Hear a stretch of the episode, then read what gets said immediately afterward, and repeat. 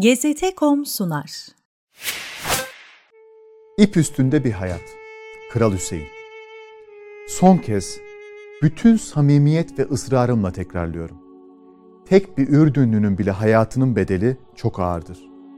Ürdünlülerin onuru vatanlarında emniyet içinde yaşamaları ve vatanın onuru her şeyin üzerindedir. Evlatlarımızdan biri bir suikast girişimine maruz kaldı. Onun hayatı hedef alındı ve mesele gerektiği biçimde çözüldü.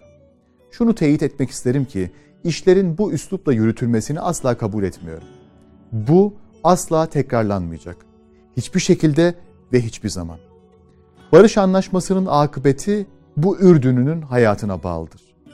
Hamas siyasi büro şefi Halit Meşal'in Ürdün'ün başkenti Abman'da Mossad ajanları tarafından zehirlenmesiyle başlayan diplomasi trafiği İsrail hükümetinin panzehri göndermeyi kabul etmesiyle son bulmuş, üstüne üstlük suikaste karışan iki Mossad ajanına karşılık İsrail hapishanelerinde tutulan 40 Filistinli mahkumun serbest bırakılması konusunda da anlaşmaya varılmıştı. Yaşanan onca gerilimin ardından kameraların karşısına geçerek yukarıdaki sözleri söyleyen isim Netanyahu hükümetinin başlattığı kaostan zaferle çıkmayı başaran Ürdün kralı Hüseyin'den başkası değildi.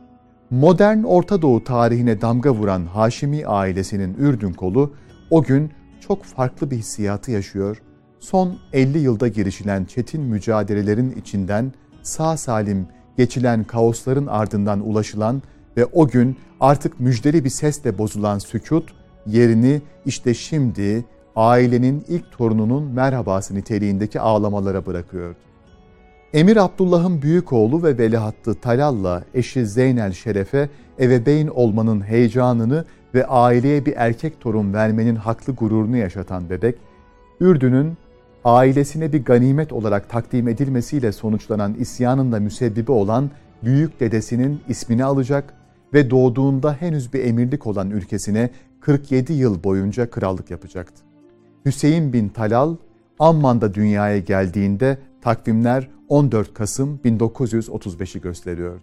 Ailenin tüm fertlerinin üzerine titrediği bir çocukluk geçiren Hüseyin, Amman'daki ilk tahsilinin ardından o dönem henüz krallık olan Mısır'ın İskenderiye şehrindeki Victoria Kolej'in yolunu tuttu.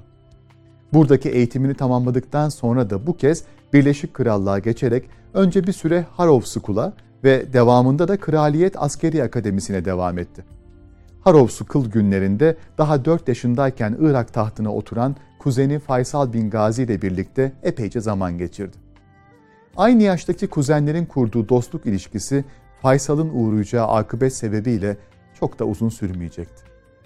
Hüseyin genç yaşta iyi bir eğitimden geçerek ülkesine döndüğünde Ürdün artık bağımsız olmuş, dedesi Abdullah emirlikten krallığa terfi etmiş 14 Mayıs 1948'de İsrail'in kurulduğunun resmen ilan edilmesiyle başlayan savaşın sonucunda da Kudüs'ün batısı İsrail tarafından işgal edilmişti. Hüseyin'in veliaht olan babası Talal ve küçük oğlu Naif'e pek güvenmeyen Abdullah, torununun gelişimine ayrı bir önem gösterdi ve onu neredeyse hiçbir zaman yanından ayırmadı. Kimi zaman yabancı devlet adamlarıyla yapılan toplantılara dahi katılan genç Hüseyin, bir yandan İngilizce konuşamayan dedesinin tercümanlığını üstlenirken bir yandan da üst düzey uluslararası görüşmelere dair gözlem yapma şansı buldu. Kral Abdullah 20 Temmuz 1951 günü Mescid-i Aksa'da Kıble Mescidindeki cuma namazı sırasında vurularak öldürüldüğünde Hüseyin yine onun yanı başındaydı. Dedesiyle geçirdiği kısa, yoğun ve kanlı bu dönemde edindiği tecrübeler Hüseyin'in tahta oturduktan sonra izleyeceği siyaset üzerinde epeyce etkili oldu. Hüseyin babası Talal'in dedesi Abdullah öldürüldükten yaklaşık iki ay sonra 6 Eylül 1951'de Ürdün'ün yeni kralı olarak tahta oturması ile birlikte Veliaht Prens ilan edildi. Bu sürede yeniden İngiltere'ye döndü ve Kraliyet Askeri Akademisi'ndeki eğitimine devam etti. Kral Talal'in evvelden bu yana sergilediği anormal davranışlar Abdullah'ın uğradığı suikastin de etkisiyle şizofreni alametlerine dönüştü. Bir süre gözlem altında tutulan kralın artık görev yapamayacağına kanaat getiren doktorların verdiği raporla harekete geçen Ürdün parlamentosu 11 Ağustos 1952'de ülkenin artık yeni bir kral olduğunu ilan etti. Aynı gün annesiyle birlikte Lozan'da bulunan Hüseyin, kral olduğu haberini majesteleri Kral Hüseyin'e notuyla gönderilen bir telgrafla öğrendi. Sabık Kral Talal tedavisine devam edebilmesi için İstanbul'a gönderilecek ve hayatını kaybettiği 7 Temmuz 1972'ye kadar da buradaki bir klinikte kalacaktı. Kral ilan edildiğinde reşit olmayan Hüseyin, Başbakan, Senato Başkanı ve Temsilciler Meclisi Başkanı'ndan oluşan 3 kişilik bir komisyon naipliğinde görevine başladı. Birkaç ay devam eden bu kısa geçiş döneminin ardından 2 Mayıs 1953'te Irak tahtında oturan kuzeni Faysal'la aynı gün gerçek manada kral oldu ve Ürdün'ün kontrolünü tamamıyla eline aldı. Ancak Hüseyin'in önünde oldukça zorlu bir süreç vardı. 1948 sonrası ülkesine akın eden Filistinlilerin durumu, Mısır'da gerçekleşen Hür Subaylar darbesi sonrası krallığın ortadan kaldırılmasıyla yükselen Pan-Arabizm hareketleri hemen yanı başındaki İsrail'in varlığı, suların bir türlü durulmadığı Irak, Suriye ve Suudi Arabistan'la yürütülecek komşuluk ilişkileri gibi pek çok sorun henüz 18'ini doldurmamış bu yeni kraldan çözüm bekliyordu. 50'li yılların ortalarına doğru Orta Doğu'da sular yeniden ısınmaya başladı. Mısır Cumhurbaşkanı Cemal Abdülnasır'ın harladığı Arap milliyetçiliği ateşi nüfusunun büyük çoğunluğu Filistinlilerden oluşan Ürdün'deki harareti de arttırıyordu. Süveyş'in millileştirilmesi hayalini 1956 yazında pratiğe döken Nasır, diğer Arap ülkelerinin halklarından da aldığı destekle Birleşik Arap Cumhuriyeti'ni ilan etmenin peşine düştü. Tırmanan gerilimden uzak durmak isteyen Hüseyin ise ülkesi içinde yükselen tansiyonu düşürmeye çalışmakla meşguldü. Amerika Birleşik Devletleri'nin gözlemciliğinde kurulan Bağdat Paktı'na katılma fikrinden vazgeçti. Arap Lejyonu komutanı Sir John Bagot Glup ve beraberindeki İngiliz subayları görevlerinden aldı. Genel seçimlerin düzenlenmesine müsaade etti. Ancak bunların hiçbiri kısa zamanda yaşanacak felaketleri engellemeye yetmedi. Hüseyin ve kuzeni Faysal, Mısır ve Suriye'nin birleşmesiyle kurulması planlanan Birleşik Arap Cumhuriyeti'nin tetikleyeceği sorunları bertaraf etmek üzere 1958'in ilk günlerinde harekete geçtiler ve Şubat ayının ortalarında Haşimiler tarafından yönetilen Irak ve Ürdün'ün Arap Federasyonu çatısı altında bir araya geldiği ilan edildi. Ancak bu hamleyle ülkelerinin sokaklarında yankılanan pan-Arabist söylemlerin dozunu düşürmeyi hedefleyen genç krallar istediklerini alamadı. Irak ordusu içindeki Cemal Abdülnasır hayranı askerler 1958 yazında düğmeye bastı ve 14 Temmuz 1958'de gerçekleştirilen kanlı darbeyle Irak'taki krallık devrildi. Kral Faysal ve ülkedeki üst düzey pek çok isim öldürüldü. Darbenin hemen bir hafta sonrasında da Arap Federasyonu'nun dağıldığı ilan edildi. Dedesinden sonra kuzeninin başına gelenler de Kral Hüseyin için oldukça etkili oldu ve hiçbir zaman aklından çıkmadı. Nispeten sakin geçen sonraki birkaç yılın ardından 60'ların ikinci yarısına gelindiğinde bu kez İsrail ve Arap ülkeleri arasında yaşanacak bir savaşın ayak sesleri işitilmeye başlandı. Mısır Cumhurbaşkanı Cemal Abdülnasır'ın İsrail'i ortadan kaldırarak bütün Arapların tartışmasız lideri olma hayali bölgeyi yeni bir çatışmaya sürükledi. Diğer Arap ülkelerinin üst kadro yöneticileri ve generalleri arasında kendisine hayranlık besleyen bazı isimler olması, ülkelerin krallarını ya da siyasi liderlerini Mısır'ın dümen suyuna girmeye mecbur bıraktı. Bunun en önemli örneklerinden biri de hiç kuşkusuz ki Ürdün'dü. Ordudaki üst düzey bazı komutanların Cemal Abdülnasır'a olan alakaları Hüseyin'i tedirgin etti ve genç Hüseyin kendisine karşı darbe yapılabileceği zannıyla İsrail'e karşı savaşmaya mecbur kaldı. 1967'nin Nisan ayında Suriye ve İsrail uçaklarının giriştiği it dalaşının küçük çaplı bir hava savaşına dönüşmesi süreci hızlandırdı. Artık yaşanacakları kimsenin durduramayacağını anlayan Hüseyin, 30 Mayıs'ta Kahire'ye geçti ve Cemal Abdülnasır'la bir savunma anlaşması imzaladı. Irak ve Suriye'nin de kendilerine destek vereceklerini açıklamasıyla biraz olsun rahatlasa da savaşın beklentilerin aksine gelişmesiyle birlikte büyük bir hayal kırıklığı yaşadı.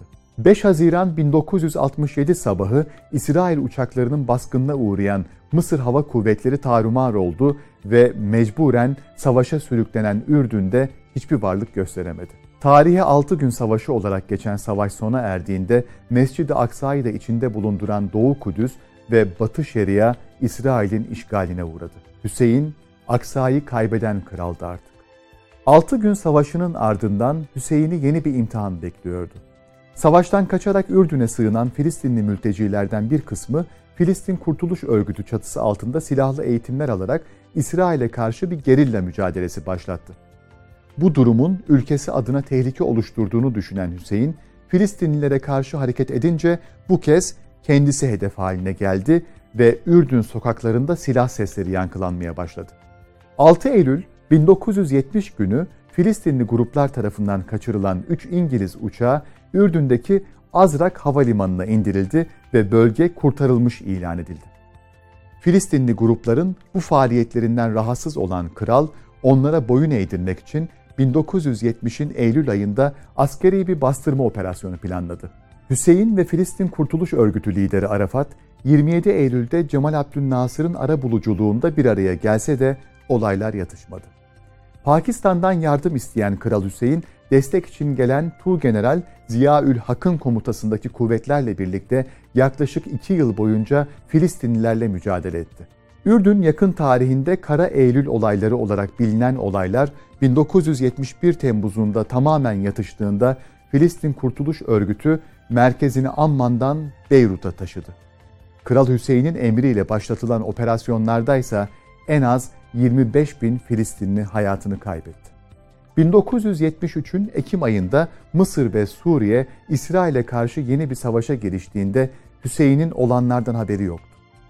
Eylül ayında İsrail Başbakanı Golda Meir'la gizli görüşmeler yaptığı İsrail basını tarafından açıklanan kral, diğer Arap ülkelerine karşı zor durumda kaldı ve Yom Kippur Savaşı başladıktan bir hafta sonra Golan Tepelerindeki Suriye birliklerine destek olmaları için askerlerini bölgeye sevk etti.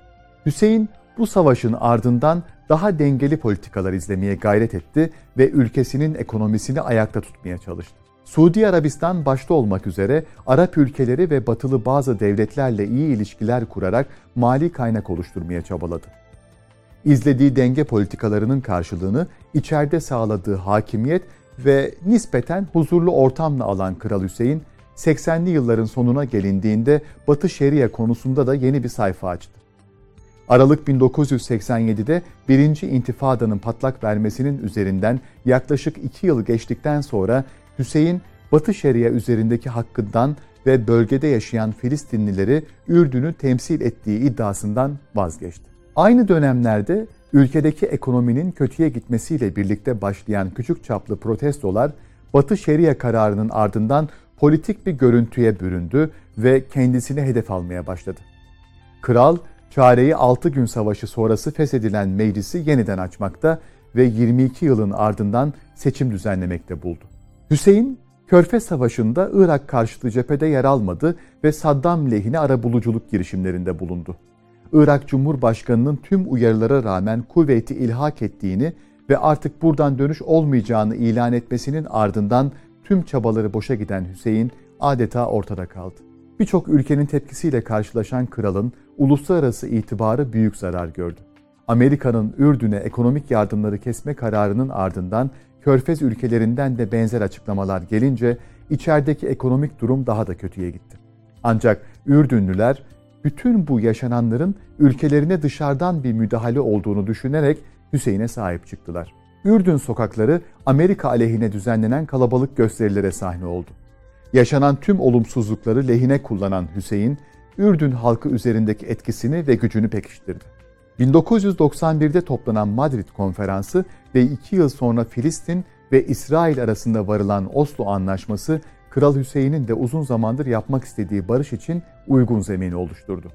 Göreve geldiğinden bu yana İsrail tarafıyla onlarca kez gizli görüşme tertipleyen kral, dönemin İsrail Başbakanı İshak Rabin'den gelen ılımlı açıklamaların ardından kalıcı bir çözüm için harekete geçti. Amerika Birleşik Devletleri Başkanı Bill Clinton'ın da devreye girmesiyle yapılan müzakereler sonunda 25 Temmuz 1994'te Beyaz Saray'da bir araya gelen Kral Hüseyin ve İshak Rabin, kalıcı barışa giden yolun belirleyicisi niteliğindeki Washington bildirgesini imzaladılar.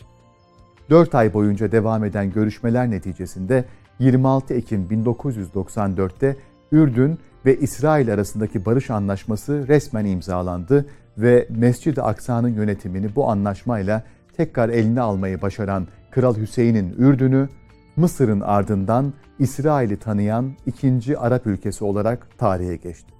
Anlaşmanın diğer tarafındaki Rabin, 4 Kasım 1995'te radikal bir Yahudinin silahından çıkan kurşunların hedefi olarak hayatını kaybetti.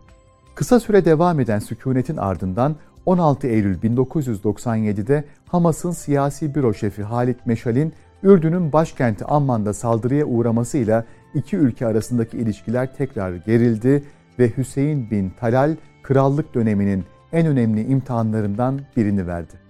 İki Mossad ajanı tarafından zehirlenen Meşal için hızlıca bir diplomasi trafiği başlatan kral, İsrail Başbakanı Netanyahu'dan panzehrin gönderilmesini istedi ve bunda muvaffak oldu. Hüseyin, Meşal'in tedavisine devam edildiği sırada ele geçirilen iki Mossad ajanına karşılık da İsrail hapishanelerinde esir tutulan 40 Filistinlinin serbest kalmasını sağladı. Serbest bırakılan mahkumlar arasında Hamas'ın kurucusu Şeyh Ahmet Yasin de vardı.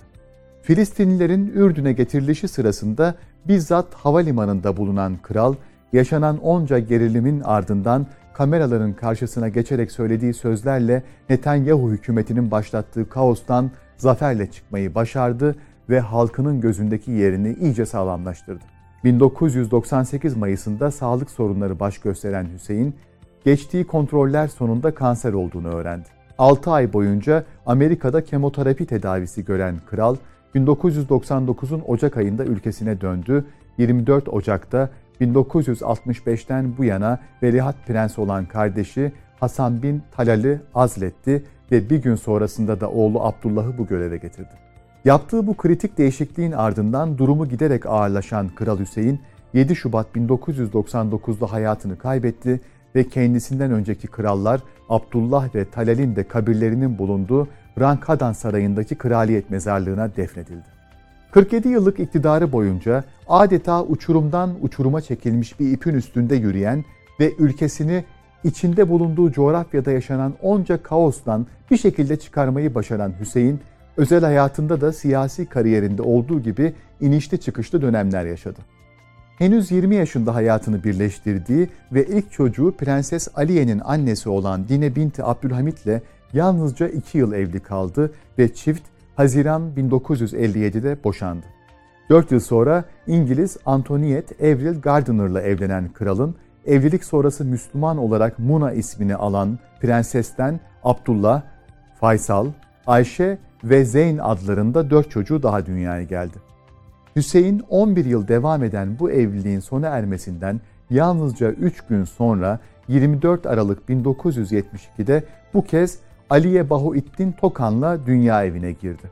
4 yıldan biraz uzun süren evlilik öncekilerden farklı olarak Kraliçenin 9 Şubat 1977'de hayatını kaybetmesiyle sona erdiğinde Prens Ali ve Prenses Haya da aileye katılmış ve Rankadan'daki kardeş sayısı 7'ye yükselmişti.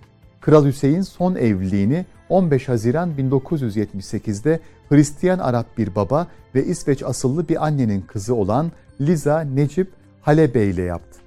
Amerika'da doğup büyüyen Liza, Ürdün'e kraliçe geldikten sonra Müslüman olarak Nur ismini aldı ve kralın hayatını kaybettiği Şubat 1999'a kadar yanında oldu. Bu evlilikten dünyaya gelen Hamza, Haşim, İman ve Raya ile birlikte 11 çocuk sahibi olan Hüseyin, krallığını devredeceği isim olaraksa en büyük oğlunu seçti. Babasının ölümünden yalnızca birkaç gün sonra Velihat Prensliğe getirdiği Abdullah 7 Şubat 1999'da yeni kral ilan edildi. Hala Ürdün tahtında oturan 2. Abdullah, ayakta kalmanın hayli güç olduğu bir coğrafyanın ortasında ve Haşimi ailesinin eski üyelerinin uğradığı akıbetlerin gölgesinde babasından devraldığı ip cambazlığını sürdürüyor.